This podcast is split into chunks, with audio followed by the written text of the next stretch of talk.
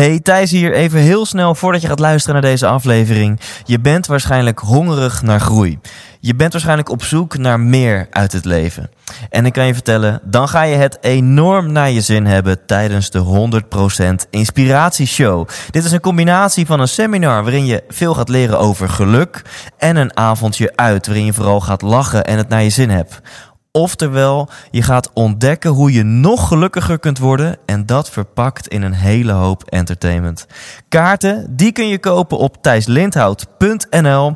Alle vorige shows waren volledig uitverkocht, dus als ik jou was, zou ik er snel bij zijn. Heb je zin in een avond uit, vol inspiratie? Neem je partner, je collega's, je vrienden en vriendinnen mee en koop nu je tickets op thijslindhout.nl. Mijn naam is Jan Veen en je luistert naar de 100% Inspiratiepodcast.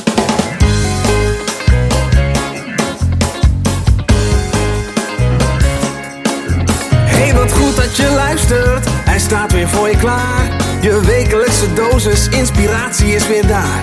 De allerleukste gasten geven al hun kennis prijs. Met je veel te blije host, hij praat je bij. Zijn naam is Thijs. Thijs,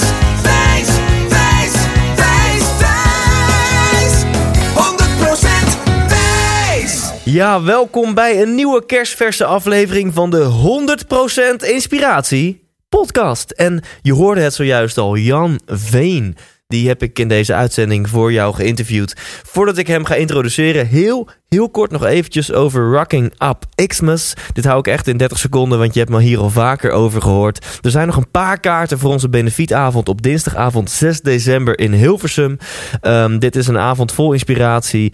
Ik eh, deel een aantal tips met je. Dat doet mijn goede vriend Sidney Brouwer ook. Je ontmoet een aantal eh, andere hele inspirerende, leuke mensen.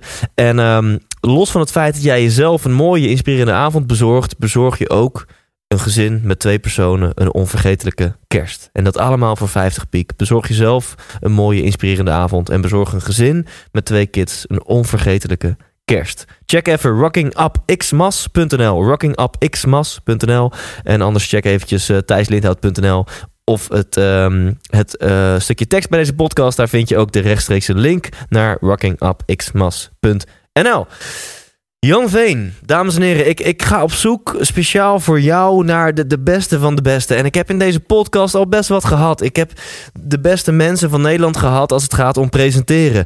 Uh, ik heb de beste van Nederland gehad als het gaat om cabaret. Ik heb mensen gehad die hebben uh, hebben de top van Nederland bereikt als het gaat om financiële vrijheid. Die hebben de top van Nederland bereikt als het gaat om ondernemen. Als het gaat om radio maken. Als het gaat om topsport. En ik heb zelfs een astronaut, namelijk André Kuipers, voor je geïnterviewd. En nu voor het eerst iemand die het beste is van Nederland en misschien wel een van de beste ter wereld in het bespelen van een muziekinstrument, namelijk de piano, of beter gezegd de vleugel. Uh, Jan Veen heeft zelfs een keer gespeeld uh, voor Bill Clinton. En dat is natuurlijk uh, nou, iets wat niet heel veel mensen kunnen zeggen, denk ik. En zoals je weet ben ik zelf, ben ik zelf drummer en houd ik van muziek, houd ik van muzikanten. En ik vind het enorm gaaf om eens te horen hoe bereik je de top? Wat is er voor nodig om de top te bereiken? Dus waar gaan we het over hebben? We gaan het onder andere over hebben welke ja, laat ik zeggen, welke succesfactoren samenkwamen toen Jan een jaar of 4, 25 oud was. Wat eigenlijk zijn, zijn doorbraak heeft betekend. Um, ik ga het ook even hebben over. Um, ja, wat, wat, wat verdien je nou aan, een, aan het uitbrengen van een album uh, in, uh, in de tijd dat iedereen nog cd's kocht? En het allerbelangrijkste is, we gaan op zoek naar zijn verhaal naar succes. Dus ik wil je ook vragen om te luisteren met, met die ogen, voor zover je luistert, kan luisteren met je ogen, maar luister hè, met die focus van... Wat, wat zijn nou die succesfactoren in Jan zijn leven? En is het talent? Is het geluk? Is het keihard werken? Um, en ik denk als je op die manier gaat luisteren, dan ga je het een heel mooi interview vinden. Want misschien om een klein beetje prijs te geven. Misschien is hij wel een stukje tegenwicht tegen al de andere mensen waar ik er dus een van ben die zeggen: ja, seks, uh, seks kun je afdwingen. Voor mij nou, je, je zegt weer wat je wil zeggen. Succes kun je, kun je afdwingen. En um, ik laat het hier gewoon bij. Luister met, met die focus. Um, ik vind het een mooi gesprek. We, we hebben de, het onderspot gedeelte is compleet uit de hand gelopen. Daar gaan we uitgebreid hebben over muziek. We gaan het uitgebreid hebben over zijn leven en, uh, en zijn succes als pianist. Dames en heren, hier is Jan Veen. 100% wijs! Tegenover mij zit Jan Veen. Eh, Jan, volgens mij hebben wij zo'n beetje de, de langste voorbespreking ooit gehad. We hebben, Was het zo, ja? nou, we, hebben, we hebben elkaar aan de telefoon gesproken, uitgebreid. Vorige week ben ik weer langsgekomen. Ja. Hebben we twee uur gezellig gehad. Ja, ik weet niet wat je normaal doet qua voorbespreking. Dus dat ja, een jij. half uurtje voor het Oké, interview was heel lang, ja. Ja. precies. En eh, nu zitten we hier in Amersfoort bij ons op kantoor. Eerste vraag die ik voor jou heb en de enige vraag. Wat wil je worden als je later groot bent? Ehm, ik, mijn, mijn planning was altijd niets hoeven doen. Dat is, het lijkt negatief, maar je moet natuurlijk kijken wat je wel doet. Ja. Maar, wil. maar ik, ik wilde eigenlijk nooit eh, gezag of eh, iemand boven me of iemand die zei wat ik moest doen. En dat is me gelukt en dat wou ik zo laten eigenlijk. Dus ik weet, ik weet, ik weet niet nog wat ik nog meer wil. Ik, ik, ik ben wel heel tevreden zo. Ja. Ja. Dus je, je wilde niets meer te hoeven doen, als in dat het moeten eraf is? Ja, dat was ik vrij, vrij snel op dat punt. Dat, dat word je natuurlijk ook een, eh, daarmee een vervelend ventje. Middelbare school, een conservatorium en zelfs lagere school. Dus ja, een beetje recalcitrant. Niet om eh rotsen te trappen, maar gewoon eh, eigen gang gaan. En dat heb ik altijd willen doorzetten. Ik denk, ik moet geen baas, ik moet even weten hoe dat werkt. En dat had ik vrij snel door. En dat heb je, dat heb je bereikt. Ja. Gaan we natuurlijk zo nog uitgebreider over hebben. Daar heb je wel wat voor nodig om dat te kunnen bereiken. Dat je in principe hè, zelf altijd de vrijheid hebt. Vind ik iets leuk, doe ik het wel. Vind ik het niet leuk, doe ik het niet. Ja, Ehm, maar als nu mensen aan jou vragen, wat, wat, wat wil je nog bereiken? Wat wil je worden als je later groot ja, bent? ja ik, ik, ik kan, het enige wat, je kan, wat ik nog zou kunnen me voorstellen is de schaalvergroting interesseert mij niet zozeer. Maar de richting fine-tunen, dus de soort muziek meer afstemmen op wie ik zelf echt ben. En eh, de, daarmee de mensen om me heen verzamelen die beter nog bij me passen dan dat ik nu heb. Ja. Dus het fine-tunen van wat ik doe met, qua improvisatie, qua pianospel. En dat roept dan een wereld op die nog de- beter bij me past. Dus eigenlijk is dat het gewoon heel eenvoudig. En, en zie je dat ook voor je? Zie je dan bepaalde, dat je achter een bepaalde vleugel zit of met bepaald publiek in een bepaalde zaal? Ja, selectiever. Eh, nu is het, ik heb altijd eigenlijk een beetje gewerkt van, ehm, oh, dat is goed, eh, dat ga ik doen. En oh, dat is niks, dat doe ik niet. Dus dat is passief eh, filteren, zeg maar. Ja. Maar niet actief sturen, dat ken ik niet. Dus ik ben, en ja, onbewust natuurlijk wel, want ik heb natuurlijk, je, je bepaalt je richting. Maar het echt bewust filteren van, nou, die soort muziek ga ik met die persoon doen en dan gaat dat gebeuren. Een plan heb ik nooit gehad. En omdat ik ook een improvisator ben, zo sta ik ook in het leven. Dus ik heb geen plan, geen richting, geen, geen beleid.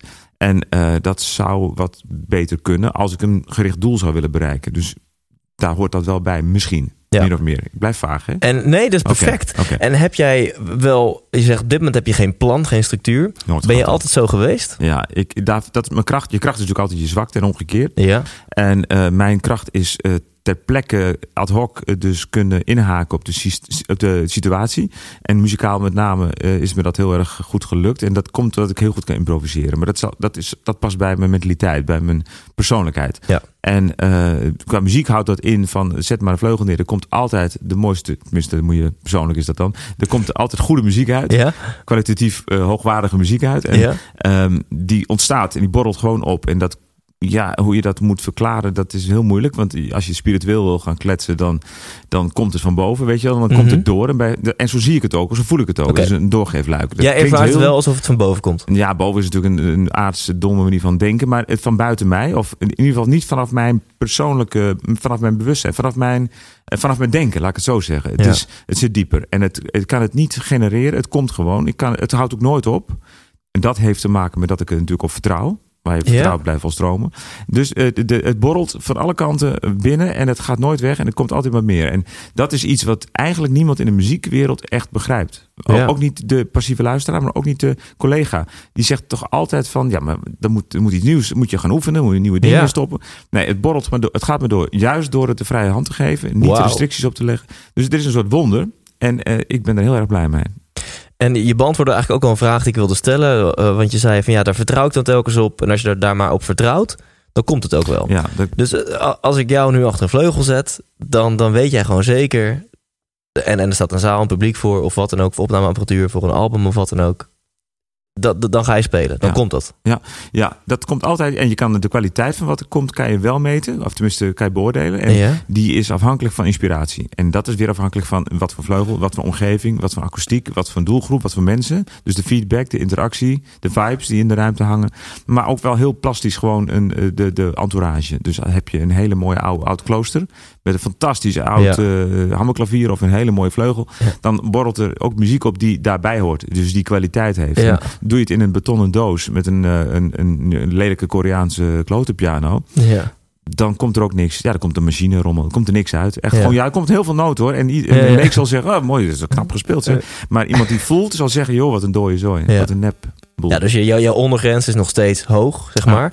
Eh, maar er zit dus wel een verschil in. ja, er zit techniek of- onder, heel veel techniek onder. Ja. Dus ik kan niet diep vallen. Nee. Voor de Nee. niet eh, Ja. in, eh, toegankelijke, de luisteraar die niet alles weet, eh, val ik niet diep. Maar Nee. de, iemand die echt voelt en mij kent, die zal zeggen, nou, het was echt heel erg triest wat je deed. Ja. Terwijl het technisch helemaal heel snel en moeilijk. Allemaal camouflage, want juist dan ga je technisch heel veel doen. Hey, ben je daar uniek in als muzikant? Ik ben zelf drummer. Ik kijk nu naar mijn drumstijl. En ik weet dat drummers, dat zijn eh, over het algemeen een stelletje autisten... die alleen maar op een oefenpetje rudiments zitten te oefenen... vingertechnieken, et cetera. Ehm, dus ben je, ben je daar uniek in als muzikant? Dat je zegt, ja, weet je wel, ik, ik oefen eigenlijk niet. En ehm, eh, het, het komt van, van buiten, ik ga zitten en, eh, en ik straal. Ja, ik geloof dat de combinatie tussen eh, de losbol en het laten gebeuren, de improvisator, dus die niks doet met les en oefenen en studeren. En toch ook wel de structuur, de ruggengraat van vroeger de opleiding en het conservatorium. Ja, dat, het, het vult elkaar wel aan. Ik heb het conservatorium ook mooi, mij nooit laten lam leggen. Dus ik, heb nooit, ik ben niet daardoor geconditioneerd. Ik heb wel het goede eruit geplukt door de techniek nog wat verder te ontwikkelen. Maar het, dat waren mijn marges. Dus de ruggengraat was niet eens zo heel erg nodig. Dus het losse borrelen, het, ja, we hebben het niet over drinken, we hadden het ook goed werk. Ja, Maar het losse laten opkomen van muziek, dat, dat zat erin en het is altijd gebleven. Dus Wauw. vrij uniek, ja. Ja. Ik vind het wel leuk om even jou, jouw timeline door te nemen. Eh, van, van, van hoe is jouw leven gelopen? En je zei net al, nou, al heel vroeg wist je al, ik, ik wil niks moeten. Ik wil, als ik later groot ben, dat is gelukt. ja. Je kwam er wellicht ook al heel klein eh, achter, al heel jong achter, dat piano spelen jouw passie of jouw, jouw roeping is. ja.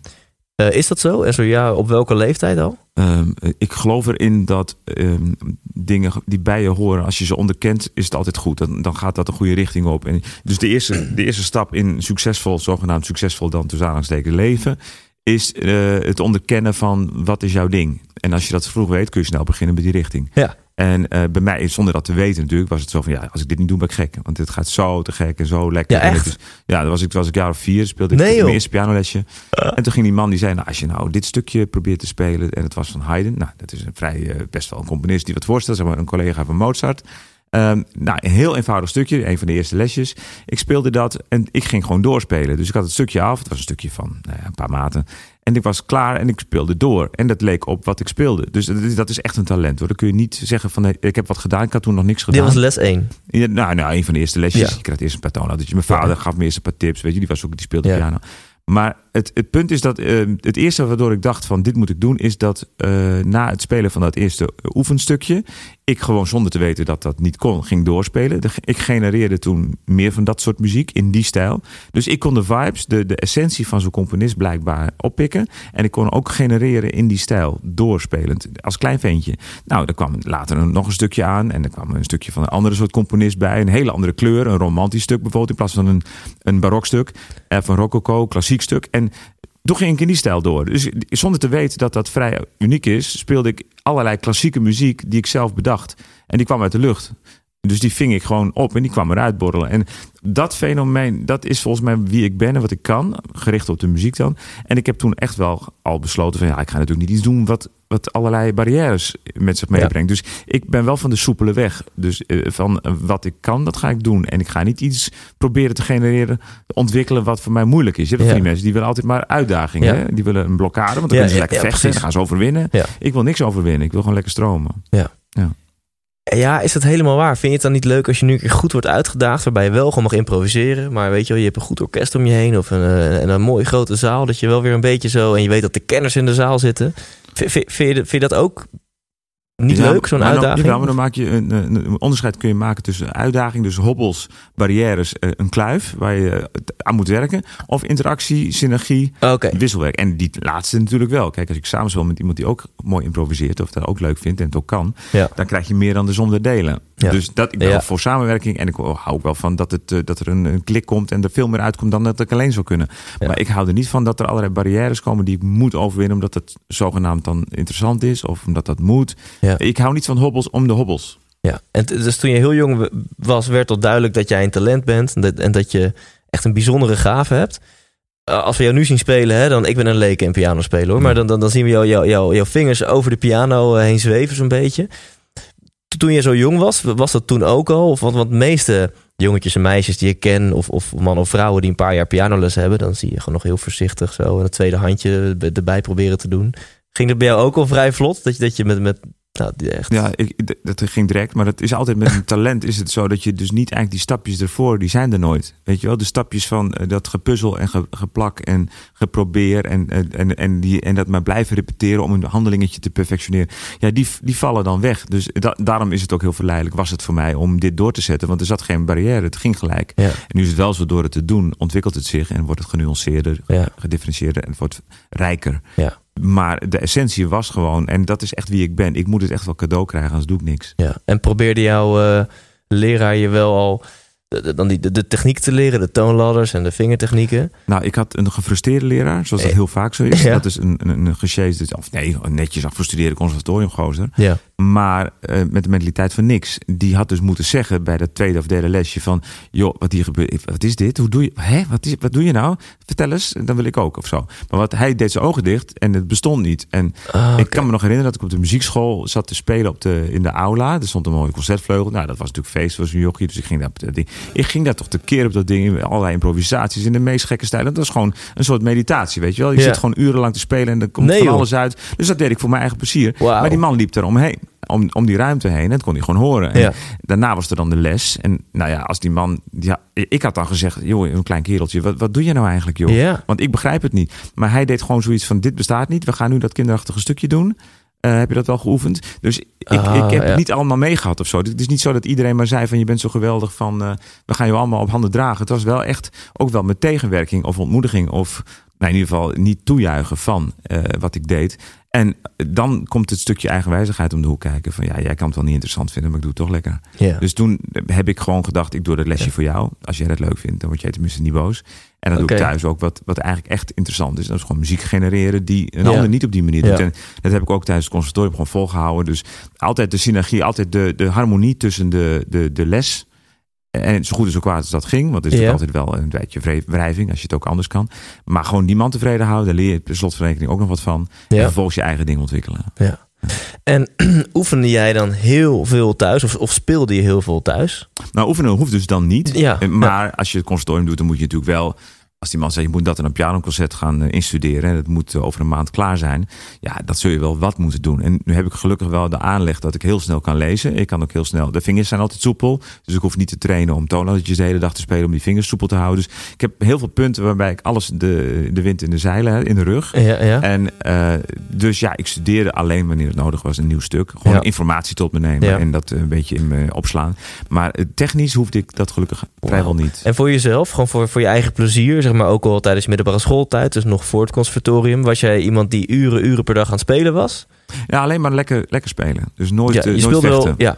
Maar alleen maar spelen omdat het zo, een soort meditatie is. Omdat Ja. het gewoon een kick geeft of omdat het me helemaal vrij maakt. Het is echt wel een, een, ja, een therapie is het ook. En de- dus jij kwam eh, thuis van school eh, en dan, dan dook je achter die piano Ja. en dan was je uren aan het spelen. Ja, en dan zeiden mijn ouders nog wel eens, joh, ga, je moet, misschien moet je toch ook wel die stukken oefenen en zo. Oh, en ja. doe je dat nou? Dan zei ik, ja, maar dat waren ze ook. En Ja. weet je, ik loog er gewoon overheen en ze konden het niet horen. Ze dachten nee, dat is net muziek. Want ik had het trucje dat ik namelijk, als ik Bach moet studeren, dan kan ik in, in de stijl van Bach improviseren. Dus dan hoor je ja. niet, tenzij je ontzettend ingevoerd bent, dan ja. kun je zeggen, nou, Bach zou dat misschien niet zo gedaan hebben. Maar de, de, de niet ontzettend deskundige zal zeggen, nou, ja, dat, dit stuk van Bach ken ik niet, maar dat is wel mooi. Of weet je wel, Ja, in ieder geval, ik kwam ermee weg bij mijn Dus, ouders. eh, ik, ik kan een, een, een willekeurig eh, genie opnoemen, Chopin of Bach of Mozart. En dan eh, kan jij in die stijl improviseren. En alleen de echte kenners zullen Ja. weten van ja, dit is in die stijl, maar het is niet van Bach zelf. Ja.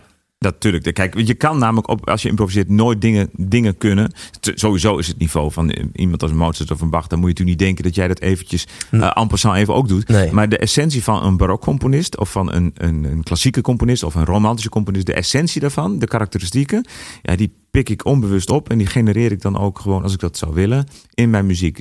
Dus het, Ja. ik kan je aardig voor de gek houden. Ja. Ja. Wauw. Is leuk. Ja.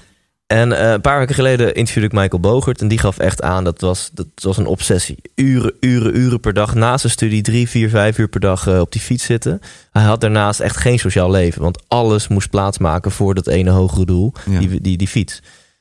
Was dat bij jou ook zo? Dat je aan het spelen was... dat je eigenlijk alles daarnaast eh, op een lager pitje zette? Nee, het was geen sociaal offer. Nee, Absoluut niet. Het was alleen maar in, in, in, in balans, in, in, in harmonie met wat er omheen was. Ja. Zelfs sterker nog, bij het conservatorium in die periode heb ik zes jaar lang niks gedaan. Gewoon feestvieren. Echt joh? Ja, ik heb echt een hele mooie tijd gehad. Ik kon Ja. het ook eerder afmaken. We hebben geen zin in. Waarom zou ik dat doen? Ik heb mooi zes jaar niet mogen. Dus dan ga ik lekker zes jaar niks doen. Ja. En wel lekker spelen en leuke dingen doen. Maar eh, ik, mooie tijd kun je niet wensen. Ja, wauw. Dus echt wel mooi geïntegreerd in het gewone sociale leven. Ja. Maar was dat niet lastig om, want als ik jou nu zo hoor praten, ik vind het echt waanzinnig om, om, om te horen. En je vertelde dit vorige week natuurlijk ook al een beetje. ehm, dat- het voor zo'n groot gedeelte echt talent is, of een gave. En voor een, voor een veel kleiner gedeelte dan ik had verwacht, gewoon oefenen, oefenen, oefenen, Ja. oefenen, oefenen. Ehm, was dat niet frustrerend? Want die consortiumleraren willen jou toch stukken opleggen. En dat je bepaalde toonladders oefent of bepaalde technieken. Eh, botste dat niet? Nou ja, wat ik je zei, die muziekschoolleraar die dus eh, bekrompen Ja, was dan die wel, allemaal. ja. Die, dat, dat gaf een conflict. Maar ik was dan eh, als klein jongetje al zo dat ik handig dat ik dacht, nou laten we die gozer maar een stukje geven wat hij wil. En dan doe ik zelf. Dus ik heb altijd wel die balans een beetje eh, gehouden. Ja. Die, die harmonie met die eh, man die het dan voor het zeggen had, hè, zogenaamd. Eh, tijdens het conservatorium was dat allemaal wat minder bekrompen. Er was ook een leraar die ik had ik speciaal ervoor uitzocht. Die eh, wat ruimer dacht. En die zei ook echt wel van ja, dit is wel te gek. Maar ga nou eventjes weer doen wat ik zeg. Want eh, weet je, je ziet hier niet voor niks. Want dat andere kan je wel. Ja. Dus dat ging redelijk. En, en alle mensen die het niet begrepen. Ja, nou ja, die, die- daar praat ik verder niet mee. Of die liet ik Oké. gewoon een beetje lullen. Oké. Maar het ging redelijk wel in de balans. En dat waren zes mooie jaren. Ja, en daarna ook ging het ook eh, naadloos door. Maar dat Ja. waren hele mooie jaren. Ja, Check. ja.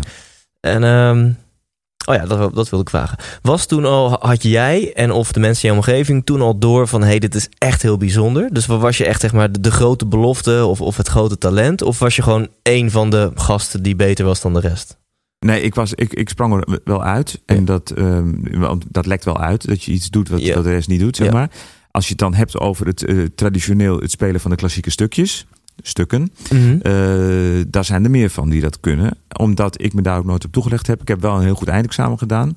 Ook op kerkorgelgebied heb ik het allemaal gedaan. Dus ook, dat is ook een, zeg maar, een vak apart. Maar het lijkt hetzelfde, maar het is een heel ander instrument. Ja. Ehm, maar ehm, als je dus me vergelijkt met een andere concertpianist, ja, dan, dan komt het overeen. Dan doe ik eigenlijk hetzelfde. Maar als je dan zegt wat ik echt kan, mijn eigen specialiteit, het zelf muziek maken, dan ja. Komt het in één keer bovenuit. En dat wisten Ja. ze wel.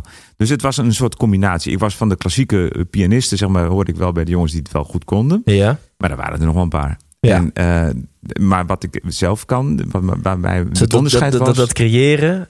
ja, dat, dat viel wel op. En dat werd in plaats wel iets wat, wat overal wel leefde. Van ja, die gozer, die doet iets, dat, dat weten we ook niet hoe dat kan. En, en op, je, op jouw eindexamen. Dus je, ik weet niet hoe dat heet, maar je, Ja, je eindexamen. moet, ja, eindexamen. Je moet het live spelen dan Ja. natuurlijk op het conservatorium. Ehm, eh, toen gold voor jou ook zitten en spelen. Ja, ook zonder stress. En ik had daarna weer een klus staan, want ik speelde toen al heel veel. dus ik was, ik was, stond, auto stond klaar en ik, eh, Nee, ik heb en, en mijn cijfers niet eens kunnen horen. Die hoorde ik later. Die waren wel goed hoor. Echt, je hebt Maar- gespeeld en Ja, moet de en autostormen dat klaar, werkt jongens. ook niet in je voordeel hoor. Ook Psychologisch gezien op Nee. een jury. Maar en het was wel zo dat ik Ja. ook... eh, ik moest pianoconcert van Liest doen. En eh, dan heb je soms een, een blackout van je geheugen. Dat hebben heel veel pianisten. Ja. Gewoon als je klassiek stuk, dat zit zoveel informatie. Ja. Zeg maar een half uur lang continu allemaal informatie. Dan kan je in één keer zeggen, van, ik ben hem kwijt. Ja. Nou, als je dan improviseert, ga je gewoon zelf wat bedenken. En omdat ik ook het vermogen dan had om in die stijl van Lies door te gaan, ging ik gewoon zelf een beetje Lies te produceren. En daarna kwam mijn leraar naar me toe en die, die vond dat eigenlijk wel stiekem wel heel erg leuk. Dus die, dat werd me ook niet kwalijk genomen. Het werd eigenlijk meer wel gezien als verrijkend. Weet je wel? Je- Ja. Dat is namelijk iets wat gewoon bij een pianist hoort. Je kan uit de bocht vliegen als je literatuur speelt. Dat Ja. heeft elke grote pianist ook. En als je dan zelf wat kan bedenken, ja, dat is de redding waar elke pianist van droomt. Maar die ze niet beheersen Ja. omdat een pianist wordt niet geleerd zelf muziek te maken. Alleen maar uit te voeren Ja. van een ander. Dus een heel raar eh, vakgebied. Heb je dan heb je misschien eh, kritiek slash feedback op het conservatorium, op het muziekonderwijs? Ja, het is meer een, eh, een afspiegeling van de tijdgeest. Het is zo dat, zeg maar, tot de laatste romantische componisten, zoals Frans Liszt... en ook nog Rachmaninoff in de 20e eeuw...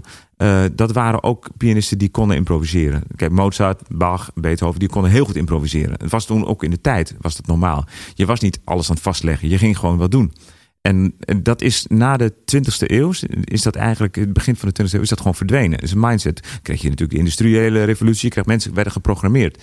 En het is een, een, een, iets van de tijdgeest om dat niet meer te kunnen. En een conservatorium kan daar verder niks meer aan doen, want die Oh, ja. is in feite een afspiegeling daarvan. Ja. Dus mensen kunnen gewoon niet meer creatief genereren op dit vlak. Ja. Kunnen Nou ja, ze zijn er nog. ja, maar sporadisch. En, en, en eh, Ja, maar niet veel. Hey, en hoe, hoe oud was jij toen je klaar was met het conservatorium? Gewoon de tijd die ervoor stond. Ik was 17 toen ik begon, plus 6. Ik heb een jaartje niks gedaan, dat was heel Ja, druk. dus Dus 3, 24. 324. En toen kende nog niet heel de wereld Jan Veen. Nee, in een bepaald vakgebied. Ja. Ja. De- de- hoe, hoe is dat gegaan? Wat is jouw grote doorbraak geweest? Dat was ook zo'n, zo'n dat kan je dan zien als een eh, zogenaamd als een toevalligheid. Maar ik had een concert gedaan met allerlei orkesten en eh, solisten. En dus da- op dat concert improviseerde ik ook gewoon wat ik altijd deed, de meest rare dingen. Dat was toen nog een opname, die werd toen doorgestuurd naar Joop van der Ende in die tijd. Ja. En daarbij zat iemand van de platenmaatschappij, de IMI, waar ik later mee ging eh, platen maken bij hen. En die waren gelijk zoiets van, ja, die gast moeten we hebben. Maar die denken niet in de vorm van hoe creatief of hoe geniaal ben je. Maar een gozer met lang haar die klassiek kan spelen, die moeten we hebben. Dat, Ja. is, dat is een gimmick. Ja. Dus eh, op het consortium zeiden ze, als je, nou- je kan heel goed spelen en eh, weet je wel, fantastisch. Maar als je dat haar moet je wel een keer afknippen, want Ah, anders kom je niet verder. Want dat is, dat is natuurlijk niet in die wereld. heerlijk. Dus dat was, dat is de eerste. Daarna kwam het contact bij Van de Ende. Toen zeiden ze van, nou ja, dat moeten we hebben. Die gozer, hoe die speelt, weet ik niet. Maar dat is waarschijnlijk wel heel knap. Eh, hij is een klassieke pianist. Die moet klassieke muziek gaan doen. En met dat lange haar, dat is handel. Toen had je Nigel Kennedy, dat was een Engelse Ja. violist. Die deed hetzelfde, zeg maar. Dus in het kielzog, in, in datzelfde stramien, deed ik wat ik deed. En toen kon ik naar Londen de volgende maand gelijk door. Het was net, eh, het was tijdens mijn conservatorium examentijd kon ik naadloos die cd opnemen. Deed ik ook in de middag. Gewoon spelen, klaar. Was, wisten ze ook niet hoe dat kon. Maar, en toen zeiden ze, je moet klassieke muziek spelen. Had ik geen zin in. Had ik al genoeg gedaan. Dus Ja? ik zei, ja, is goed joh. En toen bedacht ik mijn eigen muziek. en dat wisten ze ook niet. En toen werd die cd uitgebracht. En die werd toen platina. En, en dat, Nee, hoe dat kan, ik weet het ook allemaal niet. Het gebeurde gewoon. Ik had gewoon, je kan zeggen geluk. Of het was wie ik was. Met mijn, hoe ik eh, geprogrammeerd ben. Hoe ik, eh, hoe ik erin sta. Maar of ik had gewoon, gewoon, het viel een beetje op zijn plek of zo. Dus Maar- je zit in een gesprek met IMI en je, je, je kijkt twee keer op je horloge en ineens heb je een platina plaat. Ja, ja het ging eh, in drie maanden. Dus je, had- je mag het cd'tje opnemen in september. En eh, eind december Ja. was die platina. En Ja. ja, dan, de- en dat was gewoon, dat kun je, dat noem ik dan geluk. Maar je kan het ook een samenloop van omstandigheden noemen. Of een, eh, iets wat op zijn plek valt op dat moment. Ik kan het niet Maar verklaren. ik, ik kan me voorstellen dat sommige luisteraars nu denken van wacht, oh, dat, dat heb ik verkeerd verstaan, weet je wel. Je, ze zeiden, we willen met jou verder, want we zien handel in jou. Je kan goed spelen en eh, eh, met het lange, lange haar. Ja. Eh, hebben ze je naar Londen gestuurd voor een soloplaat. Ja. Dus niet meespelen met een artiest, maar Nee. gewoon een Jan Veen solo plaat. Ja.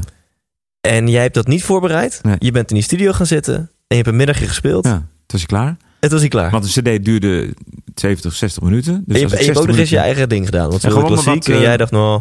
Ja, het is gewoon klassiek geïnspireerd, zeg maar. Dus eh, wel klassiek klinkend. Maar ik, ik speel op laatst allerlei pop-invloeden erdoor. Omdat ik dat zat in mijn kop. Dat was toen een hitje of dat Ja. moment. Dus dat op de radio. Dus zo, zo werkt het bij mij. Alle input die om me heen, die wordt, die wordt eh, geïntegreerd in die improvisatie. Dus ik heb gewoon eh, 60, 50 of 60 minuten geïmproviseerd.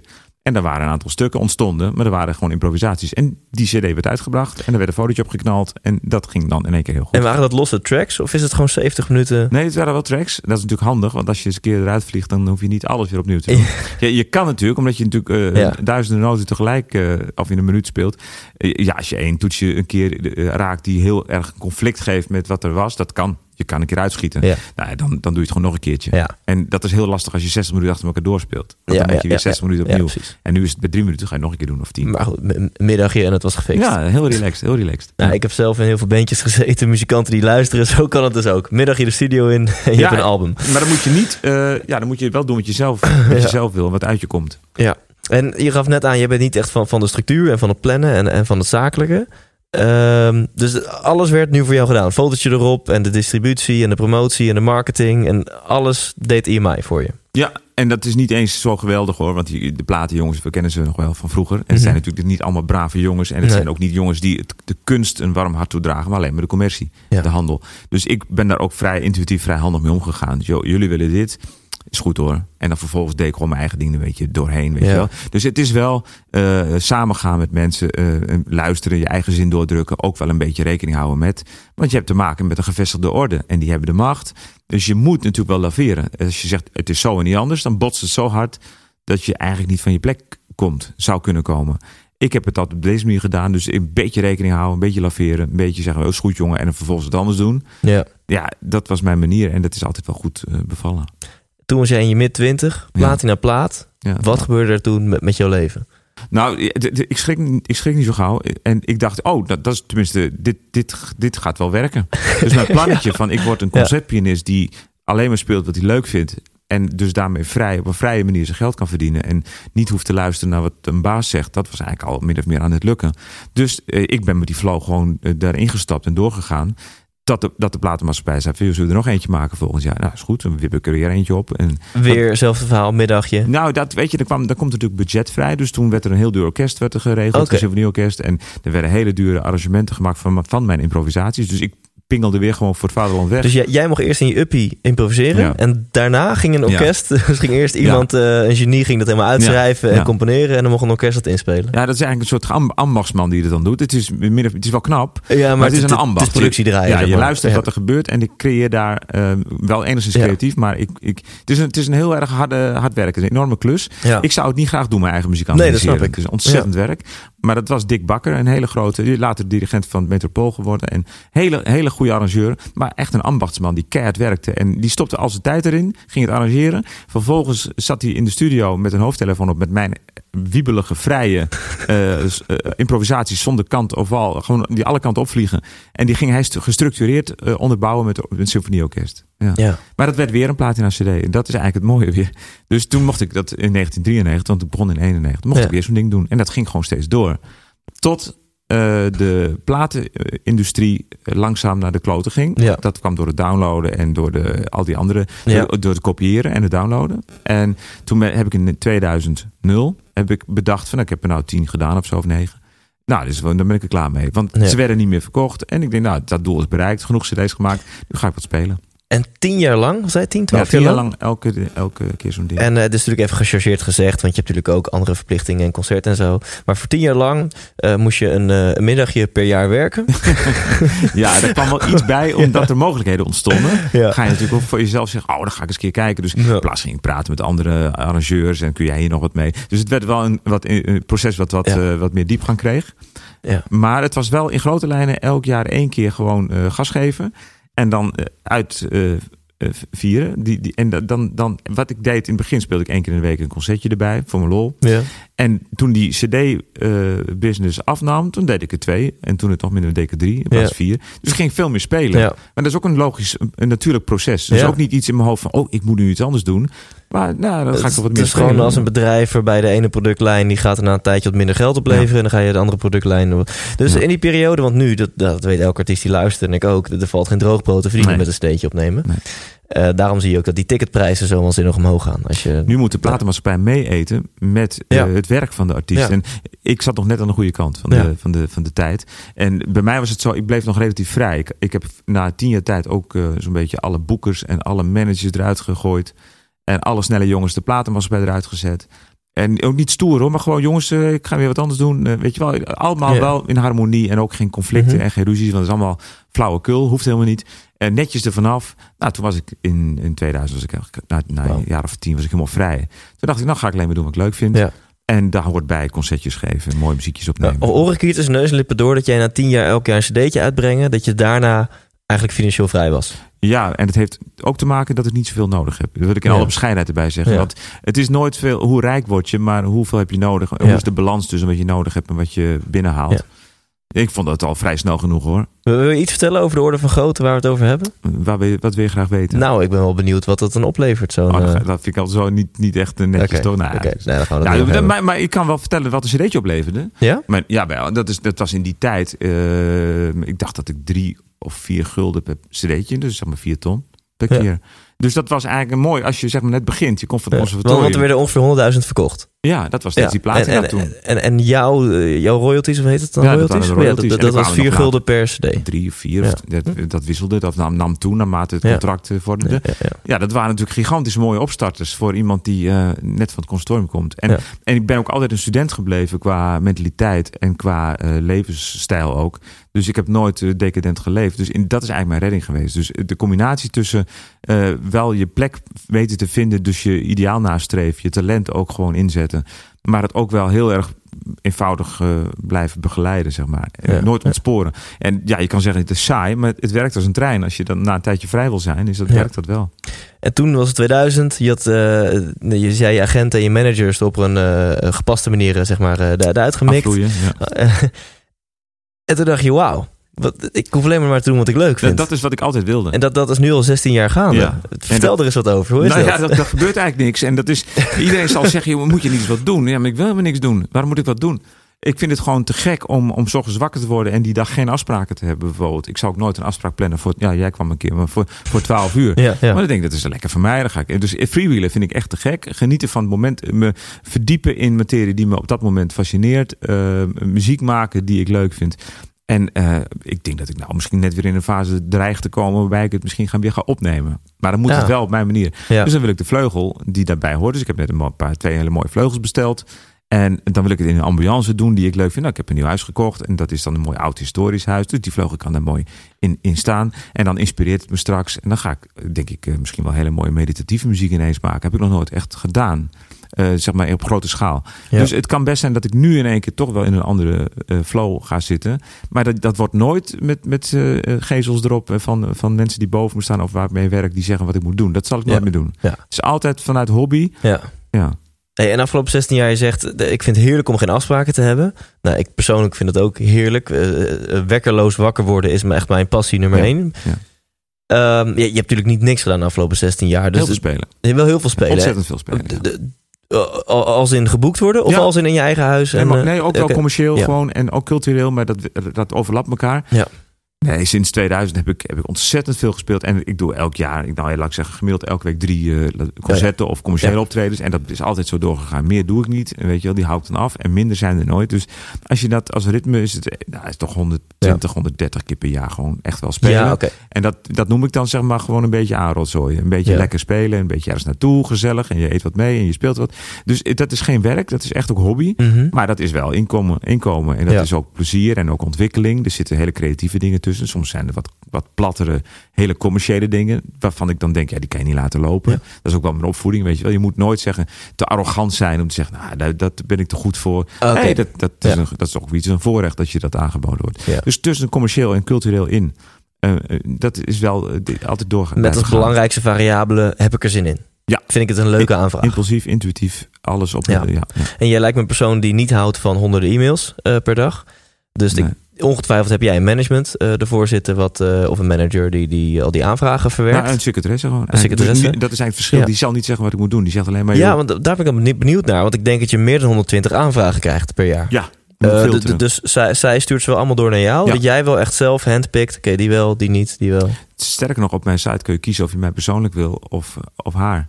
Dus Oh. als iemand zegt, ik moet helemaal niks van de. Trouwens, die heeft niks, die, die zal niet bepalen wat ik ga doen. Maar dat kun je zo denken. Precies. Nou, dan stuur je mij toch een mailtje. Want ik kijk wel, ik vind mijn mailtje lezen wel leuk. Ja. Dat is namelijk, dat is, al- al- als ik er eh, tien krijg op een ochtend of zo. En er zitten er drie bij die ik leuk vind. Vind ik helemaal niet erg om die andere zeven ook even door te lezen. Oh, Want ja. het is, het- zo vrij ben ik. Ja, Dus het is ook een spel om te kijken van, eh, wat gaat er in de mensen om? Ja. Hey, wat wil die persoon nou van me? Dat vind ik ook wel leuk. En eh, krijgen mensen die je boeken dan Zone Rider van de blauwe M&M's en Fluffers. en, eh, Ik ben nog steeds een boerenlul. En Ja. dat, is, dat houdt in dat ik eigenlijk geen rider heb. Ik, ik kan het woord amper spellen. Het is dus gewoon echt van, eh, kom je spelen? Ja, nou, soms, ik zit wel eens in de auto. En dat mag dan niet. Maar dan open ik een e-mail. Dan doe ik net even een ander rijdt, weet je wel. ja, ja. En eh, dan, dan zie ik dat. En dan staat er een telefoonnummer op. Dan ga ik dat nummer bellen. En dan ga ik, zit ik in de auto, moet nog een uur rijden. Dan zeg ik, hallo met Jan.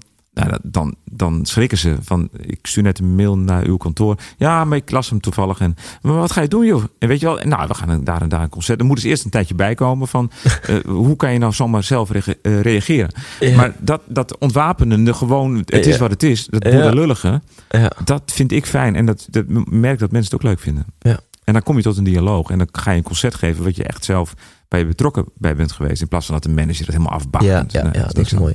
En moet je toch maar eens die, de nieuwe Tesla aanschaffen met autopilot. Dan kun je Dat, dat lekker- is voor mij Ja, nu toch? essentieel. Ja.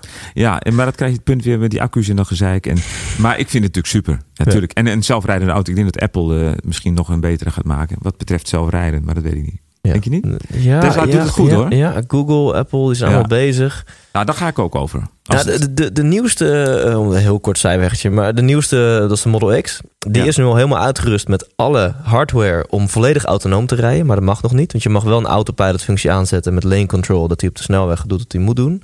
Maar hij gaat niet eh, de Uurtom volgen en rotondes en Nee. weggetjes en parkeerplekken. Maar ze zijn al helemaal qua hardware. En op het moment dat dat bij wet mag, dan drukt Tesla op één knop. En dan krijg je auto een software update. En dan vanaf de dag Zo. dat het bij wet mag, kan je auto dat ook Ja, al. maar dan ga ik hem dezelfde ochtend halen. Dus, eh, Dat lijkt me echt te gek. Ja, precies. Nee, want ik ben natuurlijk helemaal voor dat, dat, eh, die manier van rijden. Maar ik heb nog te veel passie voor ouderwetse eh brullende auto's. Dat Ja. vind ik één. En Ja. aan de andere kant is het ook wel dat ik... Ja, dat gedoe met die accu's nog niet helemaal... dat weet je, dat zit te veel Ja, ja, het is niet, als het echt de oplossing was van het hele eh, probleem... dan zou ik hem natuurlijk morgen ophalen. Want dat is natuurlijk wel daar zo. Als je het echt duurzaam zou rijden... of je zou echt geen kwaad doen aan het milieu... ja, dan direct morgen zo'n ding. Dat is natuurlijk super. Dus ja, even een zijspoor. Ik vind het een leuk zijspoor. Ja. Ehm, wat wilde ik... Ja. Wat is nou een van de, de leukste gigs die je hebt gedaan? Dat je denkt van, oh, dat weet ik nog heel goed. Dat was zo vet. Ja, dat weet ik eigenlijk niet. Ik, bij mij gaat het, dat is ook weer, de- dat past bij mijn karakter. Het ene oor in, het andere uit. Dus ik heb een ervaring en die is alweer weg. En dan ga ik weer wat nieuws doen. Dus ik ben niet zo'n verzamelaar. Ook niet qua informatie. Ook niet van, eh, eh, ja, zo'n telefoon gaat maar door. Ehm, eh, de informatie vergeet ik ook vrij snel. Het is Ja. altijd van, ehm, dit heb ik gedaan. En dan, oh, nu ga ik dit weer doen. Dus het is wel dat stromen, dat in het nu blijven zitten, dat mij heel erg tekent wie ik ben. Dus jij leeft heel intens. Ja, maar niet zo ruig of zo. Dat ik denk, ik, word, ik leef als een gek. Nee hoor, ik, ik, eh, ik pruttel. Weet je, wel, ik rommel een beetje. Maar ik, eh, wat Ja. ik doe is goed voor mezelf zorgen, rust nemen en goed eten en gezelligheid en, en een stabiele basis en, en ja, thuis. en dus wel in tune met jezelf. Ja, maar een hele, niet een opvallende manier. Het lijkt erop, eh, als je dat eh, gaat observeren, denk je, die gozer doet geen donder. Of die is saai, of die, is niet, die kan veel meer met zijn leven doen. Ja, dat zou best kunnen, maar dat wil ik toch helemaal Ja. niet. Ik wil toch gewoon in het nu lekker vrij zijn. Hey, dan is het nu wel leuk om te kijken of, eh, of je misschien wat tips hebt voor andere mensen. Oeh, En ehm, nee, maar dat, dat komt helemaal goed. Want dan eh, hier vanuit jouw intense in het nu komt er vast eh, wat uit. Veel van mijn luisteraars zijn ambitieuze mensen. Dus je hoeft je geen zorgen te maken of zij wel hard genoeg werken of knokken. Die zijn Dat echt wel, wel, eh, ja. over het algemeen wel, die willen het mooiste van het leven maken. En wat jij zegt vind ik heel mooi. Je zegt van, nou weet je wel, maak bewuste keuzes. je, ja, echt vanuit, vanuit je intuïtie, zeg maar. Eh, Ja, heb je, heb je daar wat, tips voor voor mensen Nou, om wat, je, meer mijn- te doen? Mijn kracht is natuurlijk, en mijn zwakte kan ik ook wel zeggen, is natuurlijk die structuur die er niet is. En, Ja. en die drive. En Ja. eh, het, het, het, eh, de beste willen zijn, oneindig willen groeien. Dat vind ik allemaal heel vervelend. Maar mijn kracht is de, de intuïtie. En erboven blijven staan. Dus ik, je hoort heel vaak dat mensen die zijn heel druk. En die zweven dus niet meer boven hun plan. Maar die zitten erin. Die zijn Ja. hun eigen werknemer. Nou, en dat, zal ik nooit, dat probleem zal ik nooit hebben. Ik sta er altijd boven. Ik ben altijd Ja. regisseur. Maar ik ben een hele slechte uitvoerder. Een hele luie werknemer van mezelf. Dus mijn kracht is eh, het, het, de supervisie, de grote lijnen en de intuïtie. En het impulsief handelen en eh, op de impulsen inspelen.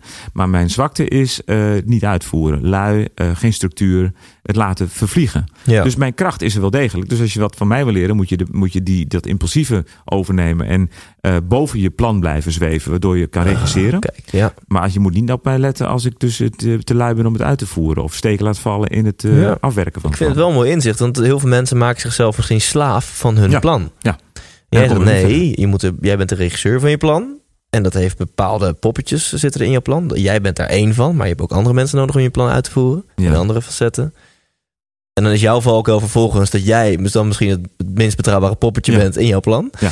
Eh, maar voor heel veel mensen is het eh, het waardevolle inzicht van, van jou. Ja, maar zorg eerst eens dat je erboven zweeft. Ja, en en dat dat, je dus... dat zeg ik dus met de bescheidenheid van ik doe het ook niet goed. Weet je wel, ik kan het ook Ja. veel. Ik zou het ook beter kunnen doen, maar ik kan je wel zeggen het, het eh, aspect van wat bij mij wel goed is geweest of nog steeds goed is, is namelijk dat eh erboven blijven en niet in mijn eigen geen werktuig worden van mijn eigen plan. Geen Ja. niet vast gaan zitten in mijn eigen eh, tactieken en en en eh, spinsels. Ja. Nee, dat, dat, dat doe ik wel weer. En- mijn hypothese is natuurlijk, ehm, succes is maakbaar. Of in ieder geval een gelukkig leven is maakbaar. En dan mijn grote eh guru Tony Robbins zegt ook altijd... Thijs, succes leaves clues. Dus zoek die succesvolle mensen op en kijk wat zij doen.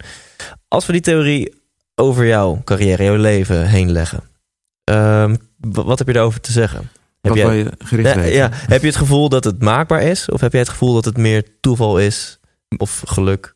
Ja, nou weet je, ik ben natuurlijk niet, niet de- de aangewezen persoon om, om die, eh, dat maakbare aspect eh, te, te, te zien. Omdat ik dat, ik heb nooit wat gedaan, eigenlijk. Ik heb nooit, ja, ik heb natuurlijk wel wat gedaan, maar niet zoveel gedaan. En Ja. ik, ik, ik doe het echt op, op karakter en op, eh, op, op talent heb ik het allemaal gedaan. Op, op geluk, zoals je het wil noemen. Nu is geluk een, een stom woord. Want Ja, ja. ik geloof wel dat je intuïtief, dat ik heb gezien waar de plekken zitten waar ik op moet inspringen om verder te gaan. Dus ik ben het is niet, niet onnozel geweest. Maar ik ben niet echt druk geweest met die, het maakbare gedeelte van geluk en succes. Ik ben echt alleen maar, ik heb het echt wel gedaan op eh, talent. Dus wat ik gekregen heb, als je dan eh, spiritueel Ja. wil gaan kletsen. Ja. Is het, is het in feite allemaal eh, geschonken en heb ik het omarmd? Heb ik het gewoon een beetje naar me toe getrokken en een beetje geobserveerd en, en gezien dat het er was? Dan heb ik dat gewoon ingezet, maar op een hele, hele speelse manier. Ik heb natuurlijk geen structuur gehad Ja. en ook geen plan en geen beleid. Tenminste, dat was er wel, maar niet aantoonbaar. Dus ik was me er ook niet bewust van. Dus het maakbare gedeelte kan ik je niet zo goed bij helpen. Nou ja, heb je misschien door wat je misschien zelf noemt eh, eigenwijs zijn of, of door, door geen structuur, heb je misschien daardoor niet juist het meeste uit je talent gehaald? Ja. De, het eigenwijs zijn is heel erg eh, belangrijk geweest. Mijn ouders waren bescheiden eh, christelijke mensen. Niet vervelend hoor, met de Mhm. televisie en alles erbij. Maar bescheiden mensen. Mijn vader is accountant. Nou, dat is Ja. tegenpool van, van wat ik ben. Maar eh, ik lijk ontzettend op hem. Ik snap ook heel goed eh, al die eh, boekhoudkundige dingen. Ik voel ze heel goed aan. Ik bedoel, ik snap best wat dat is in het leven. Maar ik heb er niks mee. En die mensen zeiden heel vaak van... joh, ja, je bent wel... ik was een slim ventje. Ik zat op het gymnasium. Ik ook op sloffen en zo allemaal. Dus ik kom best wel heel handig, snel en schakelen. Ja. En die zeiden, ja, maar je moet wel studeren, anders komt er niks van je terecht. Weet je wel, dat was hun, hun neiging. Als ik had geluisterd naar ze, was ik een, ja, toch een lesmeneer geworden. Iemand die les gaf. En door niet Ja. te luisteren, Ja. door te zeggen, die leraar van mij, die was bekrompen. Nou ja, dat, is, eh, moet je zelf weten, ik ga toch dit doen. Door niet te luisteren heb ik, het mee, heb ik de meeste kans gehad van slagen. En dat is dus eigenwijs zijn, luisteren naar wat je echt, wie je echt bent, wat je talent is, waar dat zit dat onderkennen en op een speelse manier dat gewoon inzetten. Maar dat is eigenlijk dat is wat ik wel kan zeggen. Ja. Dus niet luisteren, eigenwijs zijn.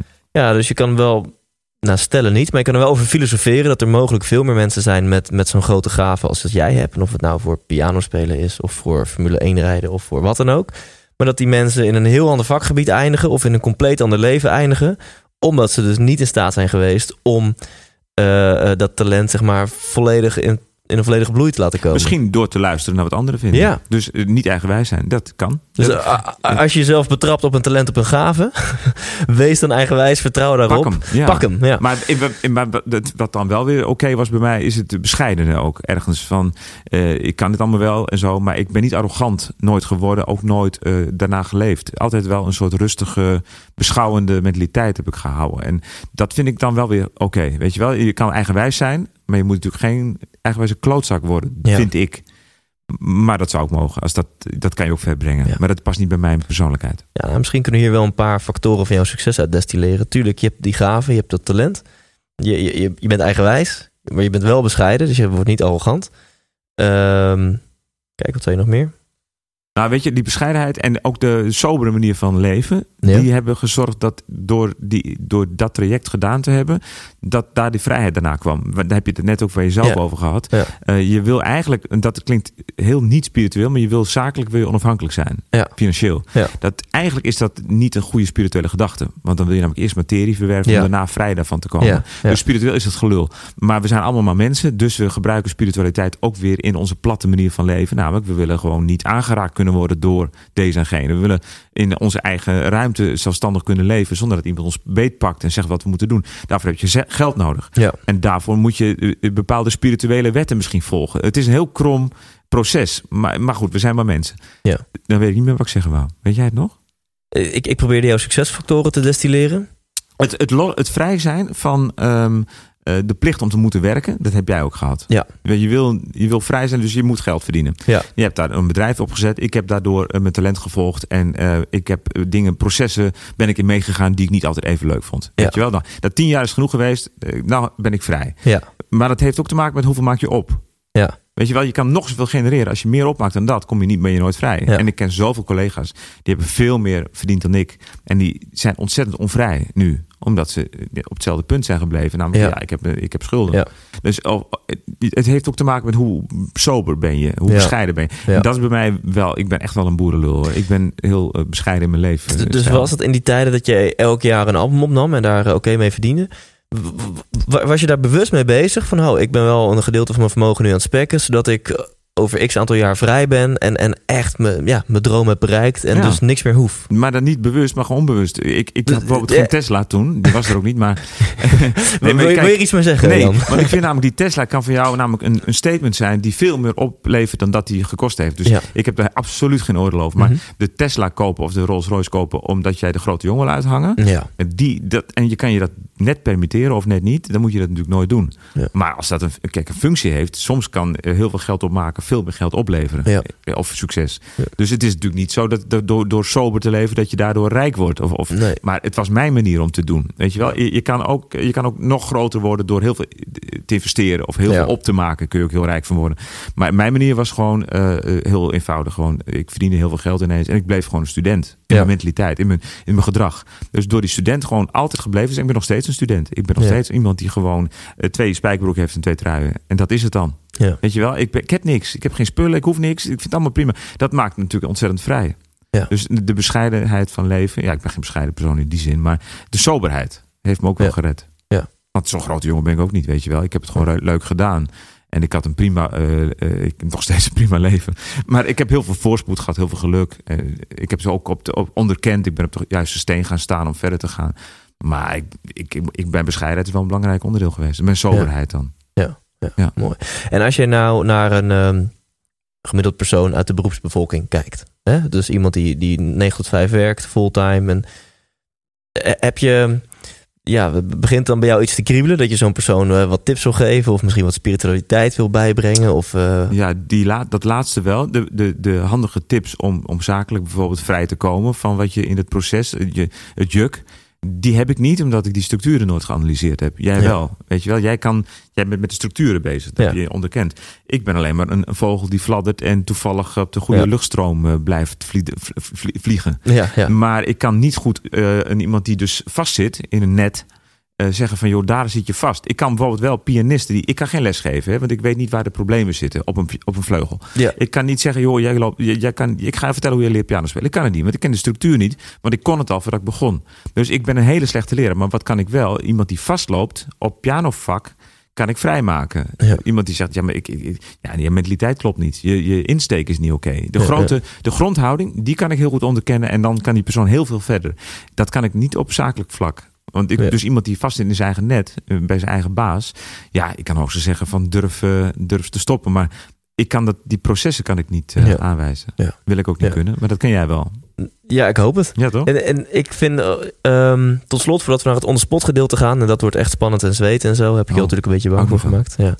Ehm, vind ik het nog steeds heel, heel inspirerend dat jij dus heel duidelijk zegt: ik doe wat ik leuk vind, wat ik niet leuk vind, doe ik niet. En dat je dat, dat, dat, dat is intuïtief, dat gaat Ja. vanzelf. Ehm, kun je misschien jezelf, kun je misschien analyseren wat er dus bij jouzelf gebeurt op het moment dat er een aanvraag komt, of het nu voor een boeking is of voor iets anders? Wat, wat gebeurt er dan bij jou waardoor je heel puur vanuit je intuïtie kunt zeggen: hm, ja of Ja. hm, nee? Die analyse van, van je guts, weet je wel? Ja. Dat je, dat, die, die weet ik, die heb ik niet, denk ik. Ik weet, ik weet gewoon direct van dit moet ik niet doen. Maar wat dat is, dat is, dat is iets wat heel vaag is volgens mij. Dat, dat kunnen de mensen zijn die daarbij betrokken zijn, die ik gewoon niet trek. Ja. Weet je wel, als er vervelende mensen zijn en er komt hele mooie muziek bij kijken, Ja. ja. gaan we niet doen. Ja. Eh, is het, het zijn het hele fijne, inspirerende mensen, maar het is waardeloze muziek.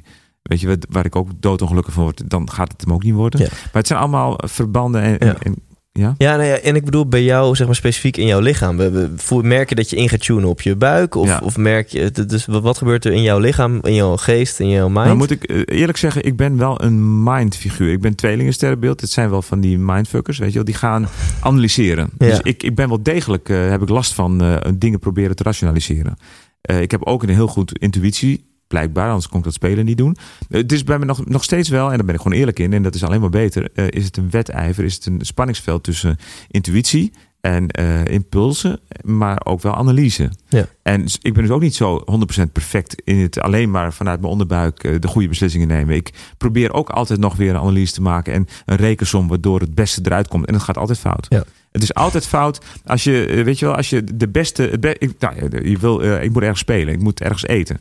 Eh, dan zoek ik een restaurant, ga ik naar een app en dan ga ik kijken. De, dan wil je het allerbeste restaurant eruit Ja. rationaliseren. En je zit in een tent waar het niet tevreden is, waar geen sfeer hangt. Weet je wel? Dus het, dat werkt nooit. Ja. Het, ik, ik merk elke keer wanneer ik het ga analyseren, dan gaat het fout. Ik Ja. moet toch elke keer vanuit mijn buik moet ik gewoon intuïtief handelen. En Ja. dat, ja, ik weet gewoon wat ik antwoord op je vraag. ehm, heel veel doe ik ook niet goed. Ik, dus steeds een, een, een, een wedstrijd tussen mijn hersenen en mijn, eh, mijn, mijn intuïtie. Ja. Maar intuïtie doet het vaak genoeg goed, waardoor het proces wel lekker doorloopt. Maar het, het is niet perfect, Ja. weet je. wel. En dat is alleen maar eerlijk, want het is overal zo. Ja.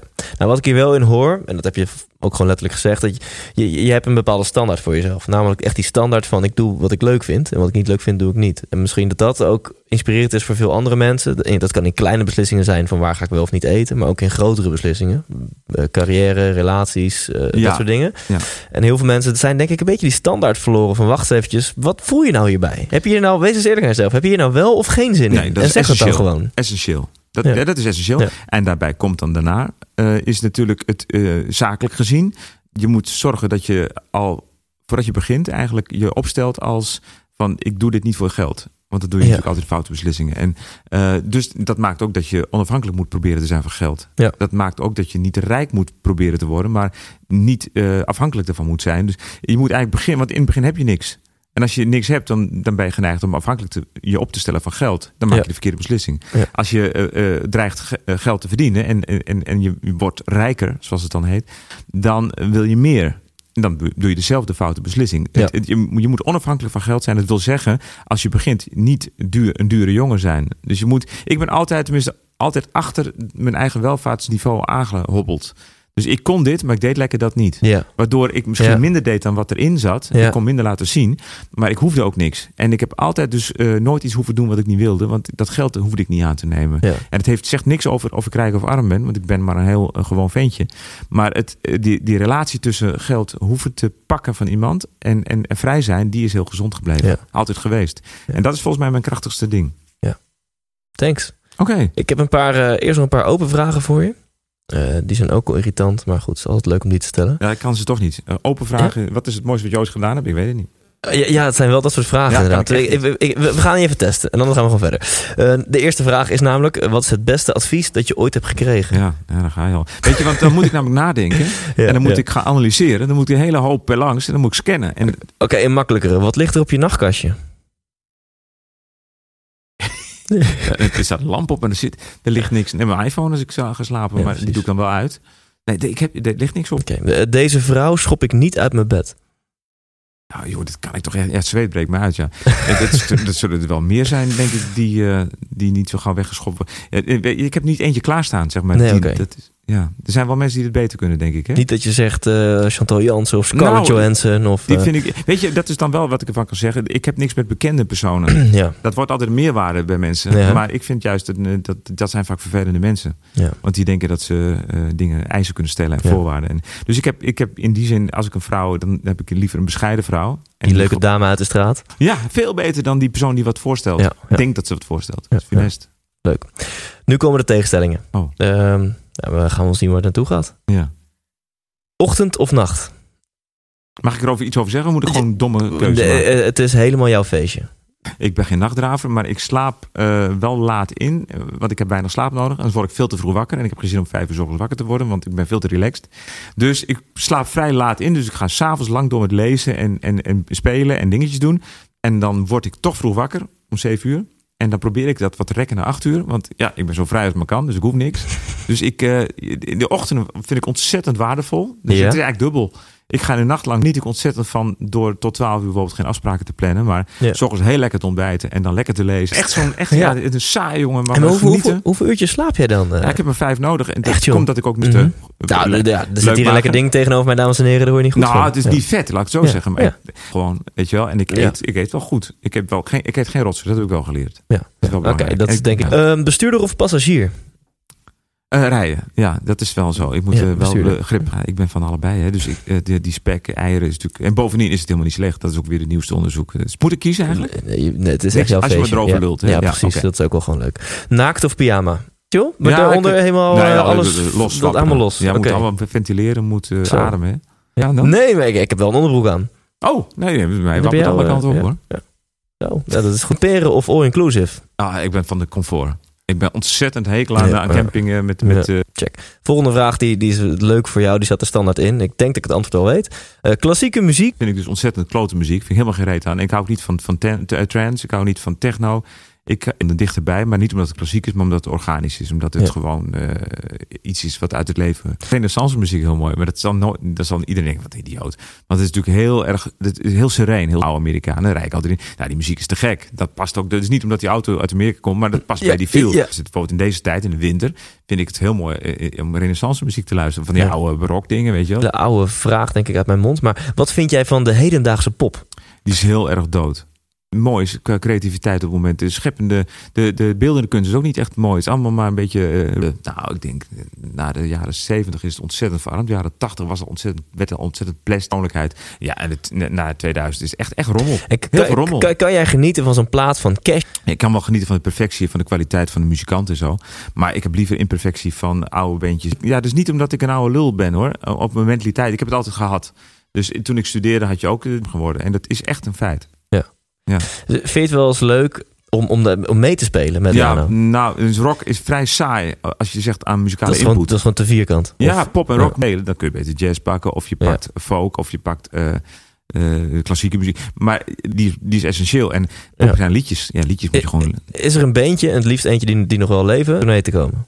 Nou, toen deze groot wordt, maar samenspelen met, met grote lui is natuurlijk altijd wel een kick als ik niet te veel offers hoef te brengen. Ja. Weet je wel? Eh, en, en Paul McCartney bijvoorbeeld ook, zo'n oude fan. Ja, die, die- precies. dat is gewoon de Ja. grondlegger van de, van de, van de liedjes. Het is echt niet om, om de grootste muzikale genieën, want dan Nee, kun je beter nee. een of andere jazzpianist Ja, pakken of zo. En ik verval er gauw in, en snel en moeilijk en ingewikkelde licks en, en structuren. Maar eigenlijk geniet ik veel meer van één. Dan, maar Elton John was drie dagen geleden in de Ziggo. Ze- Ja, hij ze- schijnt een beetje zich ervan afgemaakt te hebben, toch? Of niet? Ja, Dat is- ik- ik- dat is gewoon een handel Ja. voor hem dan. ja. Maar had je dat is- leuk gevonden? Nou, Elton John, dat is eh, natuurlijk ontzettend een goede liedjeschrijver. Ja. Eh, Vraag dat jij je vleugel ernaast gezet in de Ziggo. ja, dat je, maar zo'n gast is zo groot dat je denkt, dat wil ik wel even zien hoe die van dichtbij is. ja. Dus gewikkelde, mooie, interessante muziek. Nee, maar wel voor de grap. Ja, Zeker. en dan zit je wel gewoon mee te spelen met Crocodile Rock. Ja, daarom. Ja. daarom, daarom. Dus, het- Ja. dus iedereen heeft zijn mooie dingen, zijn minder mooie dingen. Maar Elton John is gewoon wel een fenomeen natuurlijk. Ja, Tof. Ja ik, misschien dat ik een eh 15 jaar geleden sowieso die seks vooraan zou zetten. Nou, ook zelf niks doen, seksueel, met jezelf? Of, eh, Ja, dat is een leuke, hè? Ja, dan- stel pakken, dat masturberen nog... Het is natuurlijk heel eeuwig zonde. Dus dan moet ik met die seks een beetje gaan rommelen. En dan het zelf dan maar doen. En dan Ja. nog. Ik misschien nog twintig jaar erbij. Dan ga ik voor die muziek dan wel. Nog 20 jaar, Ja, dat overgangsfase. ik, ik, ik, ik moet zeggen, seks kan ik ontzettend relativeren hoor. Want het is ook ontzettend... Wat moet ik zeggen? Het is eh, ook niet alles, weet je wel. Het wordt ook erg overdreven. Het is natuurlijk ontzettend... De maatschappij is er erg op gebaseerd. Nou, ik heb juist hoe vaker ik seks relativeer, hoe meer ik de conclusie trek van het is toch wel echt een van de belangrijkste dingen in het leven. Ja, als je het... eh, Ja. in- zoals ik er nu naar kijk, en ik heb het allebei, dan zou ik zeggen, muziek vind ik toch nog wel essentieel. Hij of herenhuis aan de gracht. dat, dat, dat past weer bij die comfort en bij dat gezellige dat herenhuis op de gracht. Omdat, dat ga ik ook nu eh, kopen. Dan ben ik me door van het eh, sociale en Ja. het, jawel. Ja, ja. Wilde tijger of Russische dwerghamster? Dat is de vraag. Ja, om naar te kijken? Ja, dat zegt de vraag niet. geen- Dat maar zegt de, tijger fascineert me natuurlijk ontzettend. Polletje. In huis is zo'n dingetje ook wel leuk. Nee, en zo'n tijger is natuurlijk veel Ja, fascinerender. ja. Ja, Doe jij maar een huis met een eh, zich het fenomeen, die tijger natuurlijk. Malediven of IJsland? Alle twee. Ik moet echt altijd alle twee. Ik moet die elektrische auto ook bij die grote Ja. Cadillac hebben. Het zuiveren in die, dat, dat noorden en zo, dat ijzige, heb ik heel veel mee. Vind ik echt te gek. Ja, ja, ja. zitten en eh, overgeven aan wat de natuur doet, dat is ook wel heel veel. Ik kan niet kiezen, nee. Zuidelijke landen en de zuidelijke landen. En als ik dan moet kiezen. Dus ik zit heel vaak te denken: zal ik gewoon op zo'n eilandje gaan wonen? Dat denk ik echt heel vaak. Die neiging heb ik echt wel eens wel vaak. En het kan best zijn dat ik het ook ga doen ook. Maar ik vind het ook heel. Het lijkt me ook te gek. Heb ik niet gedaan hoor. Het is het Frans Polynesië of zo. Zoiets, Zeg het goed? precies, Heb je een eh, visdorpje ja, erbij. En weet je, ik denk dat ik het heel lang volhoud als ik twee. Dus ik zou dat wel willen, maar ik vind, ik zou ook wel naar zo'n ijshotel willen in, eh, Precies. in eh, hoe heet het, Lapland, zo'n eilandje. Ja, als jij is, is als je, gezelliger. eh, tegen die tijd, eh, je hebt mijn nummer hè, dus dan je eh, dan? kom, ja, kom ik in elk Tijd en, eh, Ja. en, en wind en palmlampjes. Thuis koken of uit eten? Nou, ik heb altijd het eten gedaan. Maar sinds een jaar of vijf vind ik het te gek om het zelf te doen. Om daarmee ook beter spul te eten. En minder ongeluk voor iemand Ja. die nu een- net een restaurant heeft die heel biologisch en verantwoord kookt. Maar eh, gemiddeld gezien is Ja. het restaurant echt Ja, op. het is over het algemeen wel veel vlees, veel vet, veel Ja, koolhydraten. verkeerde vetten. Want vet Ja. is wel weer goed. Ja. Maar, maar inderdaad zelf nog wel wat. Basic fit of personal trainer? Allebei niet. Ja, Wat is al verwacht. fit? Wat bedoel je? Ja, eh, Wacht even, allebei niet. Omdat ik niet aan de sport doe. Ja. Ik, ik beweeg Ja, gewoon precies. eh, door te lopen. maandagochtend yoga. Eh, ik ben, ja, mag ik het nuanceren? Ik ben niet van de risico geweest, omdat ik niet voor safe ging. Dus ik ben altijd op risico gegaan, door gewoon te doen wat ik zin in heb. Als je zoveel hebt of je bent het kwijt, zou ik het nooit doen. En in, in de context van het realiseren van je droom. Redelijk filosoferen, kun je wel je droom realiseren als je al te veilig speelt. Nee, denk ik niet. Denk ook niet. Want ik heb het gedaan. Om, zou ik denk ik kan maar één keer opmaken. Zou ik heel voorzichtig het eh, niet zomaar even Nee. inzetten en dan alles weg. is een mooie Het kan ertoe bijdragen om gelukkig te zijn. Maar dat zal iedereen zeggen. Het is een factor die... eh, maakt zeker niet ongelukkig. Dat vond ik nou, mooie. maar dat betekent dat je, dat je het beheerst. Ja. Want als je het namelijk niet beheerst, dan maakt het je ongelukkig. Ja. Ja. Leuk. Ja. Justin Timberlake of Justin Bieber? Bieber vind ik vreselijk. Ja. Dus ik, ik hou niet van die Hij heeft net een appartementje gekocht van 25 miljoen. 24 nog wat. Ja. Ja, 24,5 miljoen. Ja, Ja. je hebt het Nou, gelezen. dat, dat, dat is het geval. Tu- naartoe of genieten van het eindresultaat? Weg daar naartoe. Ja. Ja. anders wordt het echt een Tof. taaie zit. Dit is volgens mij de, de langste om en ik vond het superleuk. Het is Oh. leuk omdat ja, die, die worsteling in je hoofd, dat je die gewoon met, met ons deelt. Dat Ik- vind ik Oké, eh, ja, het is wat het hè? Eh, eh, aan jou. En die pak ik nu even erbij. Ja, ehm, ja, dat is een goeie. Ik heb, eh, ik heb Jan Veen eh, eh, een aantal keer mogen ontmoeten toen, in de tijd dat ik entertainer was. Ehm, inspirerende vent, fantastische pianist. De vraag die ik aan hem zou willen stellen is: wat is het nummer één moment geweest in jouw leven dat je dacht: ik ben geboren om pianist te zijn? Wat is, wat is het moment dat je dacht: dit is wat ik te doen heb hier? En dan is eigenlijk de vraag die daarbij komt: is, is dat een worsteling geweest daarna? Of heb je het geaccepteerd en is het vanzelf van A naar B gegaan? Dus heb je het afgedwongen of is het ontstaan? Heel simpel eigenlijk. Dat was volgens mij heel, en daarom is het ook niet zo moeilijk. Het, het gelijk de eerste, de eerste kennismaking met die piano. We hadden een vleugel thuis staan. Mijn vader was hobbymatig eh, eh, toetsenist, pianist en organist. En we hadden een kerkorgel thuis, een pijporgel, een heel mooi dingetje. En ik kroop er gewoon achter en, en er gebeurde wat. Ik was dus, ik denk nog jonger dan vier. Dus ik kroop erachter en ik, dat, ging, dat ging gewoon spelen. En dat was eh, toen nog onbewust natuurlijk, niet in, in, in feite. Maar ik had wel het gevoel, en dat, is, dat groeide heel snel daarna, van dit ga ik ook doen. En dus toen ik iets ouder werd en het kon beredeneren, toen was het heel snel van dit ga ik doen. En dat was dus ook geen worsteling, maar gewoon een openbaring, een Ja. herkenning. En Ja. als je gelooft in reïncarnatie, dan zou je kunnen zeggen, ja, dat, dat was eh, voorbereid in die vorige sessie. En die gaan we nu weer eh, verder eh, doorzetten. eh, enig idee wie dan was in die vorige sessie? Mensen willen altijd een bekende zijn, hè? Daarom geloof ik er ook geen bal van. Je Ja, bent ja, altijd een beroemde farao geweest, of je bent Napoleon geweest. Je bent nooit Jan Lul geweest die achter in een huisje woonde. Dus daarom geloof ik niet in die verhalen. Het is te, mensen willen het te graag. Maar het model van reïncarnatie heb ik wel iets mee, want het zou dingen kunnen verklaren van onterechte dingen in de samenleving. Weet je wel, waarom is die AIDS-baby doodgegaan voordat, hij, voordat hij nog maar een jaar was? Dat, dat is iets wat niet. Niemand kan dat verklaren. Iedereen wordt heel boos als een religie zegt: ja, dat is Gods plan. Weet je, dus dan zou reïncarnatie nog een, een uitvlucht kunnen bieden. Precies. Van ja, dat is zijn karma en dat moest hij inleggen. Maar god, Ja. gelul. Dus ik, ik, eh, Ja. ik eh, heb er niet zoveel mee. Nee, je moet het gewoon nu doen. Check. Ja. Eh, wie ik volgende week ga interviewen, dat is nog even onzeker. Dus de- die vraag die, die komt nog later van jou. Oh, gelukkig. Ja, kun je er even goed over nadenken. Tot slot, als mensen meer van jou willen, kunnen ze ergens ehm, nog naar een show van jou? Doe je nog wel eens theaters waar mensen gewoon ka- kaarten voor kunnen kopen? Nou, ik, theaters, dat vind ik nooit zo fijn klinken, omdat ze zo eh, dood klinken. Ja, Dus ja. maar ik doe het natuurlijk wel. Ja. Ehm, eh, wat is mooi? Ik, ik heb een programma niet in mijn hoofd. Dus ik, je moet gewoon- janveen.nl of zo? Ja, als je, je moet me gewoon een mail sturen als je wat wil. En heel simpel. Als je naar janveen.nl gaat of .com en al die dingen erachter. En je gaat naar de mailknop en dan, eh, dan kom ik bij je thuis spelen als je het wil. Of, eh, weet je wel. Als er iets leuks is, doe ik het. En dan vind ik er niks aan, doe ik het niet. En dan kun je ook zeggen wat je wil. Of. Ik ben wel heel persoonlijk hoor. Ik vind het echt wel te gek om die dingetjes door te spitten. Dus eh, eh, doe maar. Zoek me maar op. Vet. Ja. Kijk uit wat je zegt. Ja, Nee, heel- ik kan ja, altijd ja. eh, nee zeggen. Ja, heel vet. Tot slot is er een vraag die ik had moeten stellen, maar niet heb, ges- eh, Nee, die niet weet ik gesteld. natuurlijk niet. Hè? Die Nee. weet ik niet. Maar die zal er wel zijn hoor. Het is heel veel wat ik nog zou willen zeggen, maar die Nee. weet ik zo gauw niet. Dankjewel. Heel graag. Box. Zo, dat doe je altijd. Hè? Ja, bedankt voor het luisteren. Ik had heel graag nu aan je meegedeeld van... En ik heb een gesigneerde platina plaat. Maar helaas vertelde Jan tegen mij dat hij eh, eigenlijk al zijn platen niet meer heeft. Eh, en die heeft hij weggedaan of die liggen ergens anders. Dus ehm, er is niets wat ik, ehm, wat ik jou kan, kan weggeven als winactie. Maar ehm, de gast van volgende week zeer waarschijnlijk wel. Wie dat is, dat hou ik nog eventjes geheim. Ik hoop dat je dan weer eh, gaat luisteren. En ik hoop dat jij gaat naar rockingupxmas.nl NL om eh, kaarten te kopen voor onze benefietavond. Rockingupxmas.nl Koop kaarten voor onze benefietavond. 100%, 100% van je 50 euro die gaat naar onze kerstactie Rocking Xmas. Ik doe het vrijwillig, Sydney doet het vrijwillig, we regelen de locatie vrijwillig, de mensen zijn vrijwillig. Alles is geregeld met sponsors of vrijwilligers. Dus het volledige bedrag wat je inlegt gaat, eh, gaat naar een gezin met twee kinderen om hun een onvergetelijke kerst te bezorgen. Rockingupxmas.nl tot volgende week en leef intens.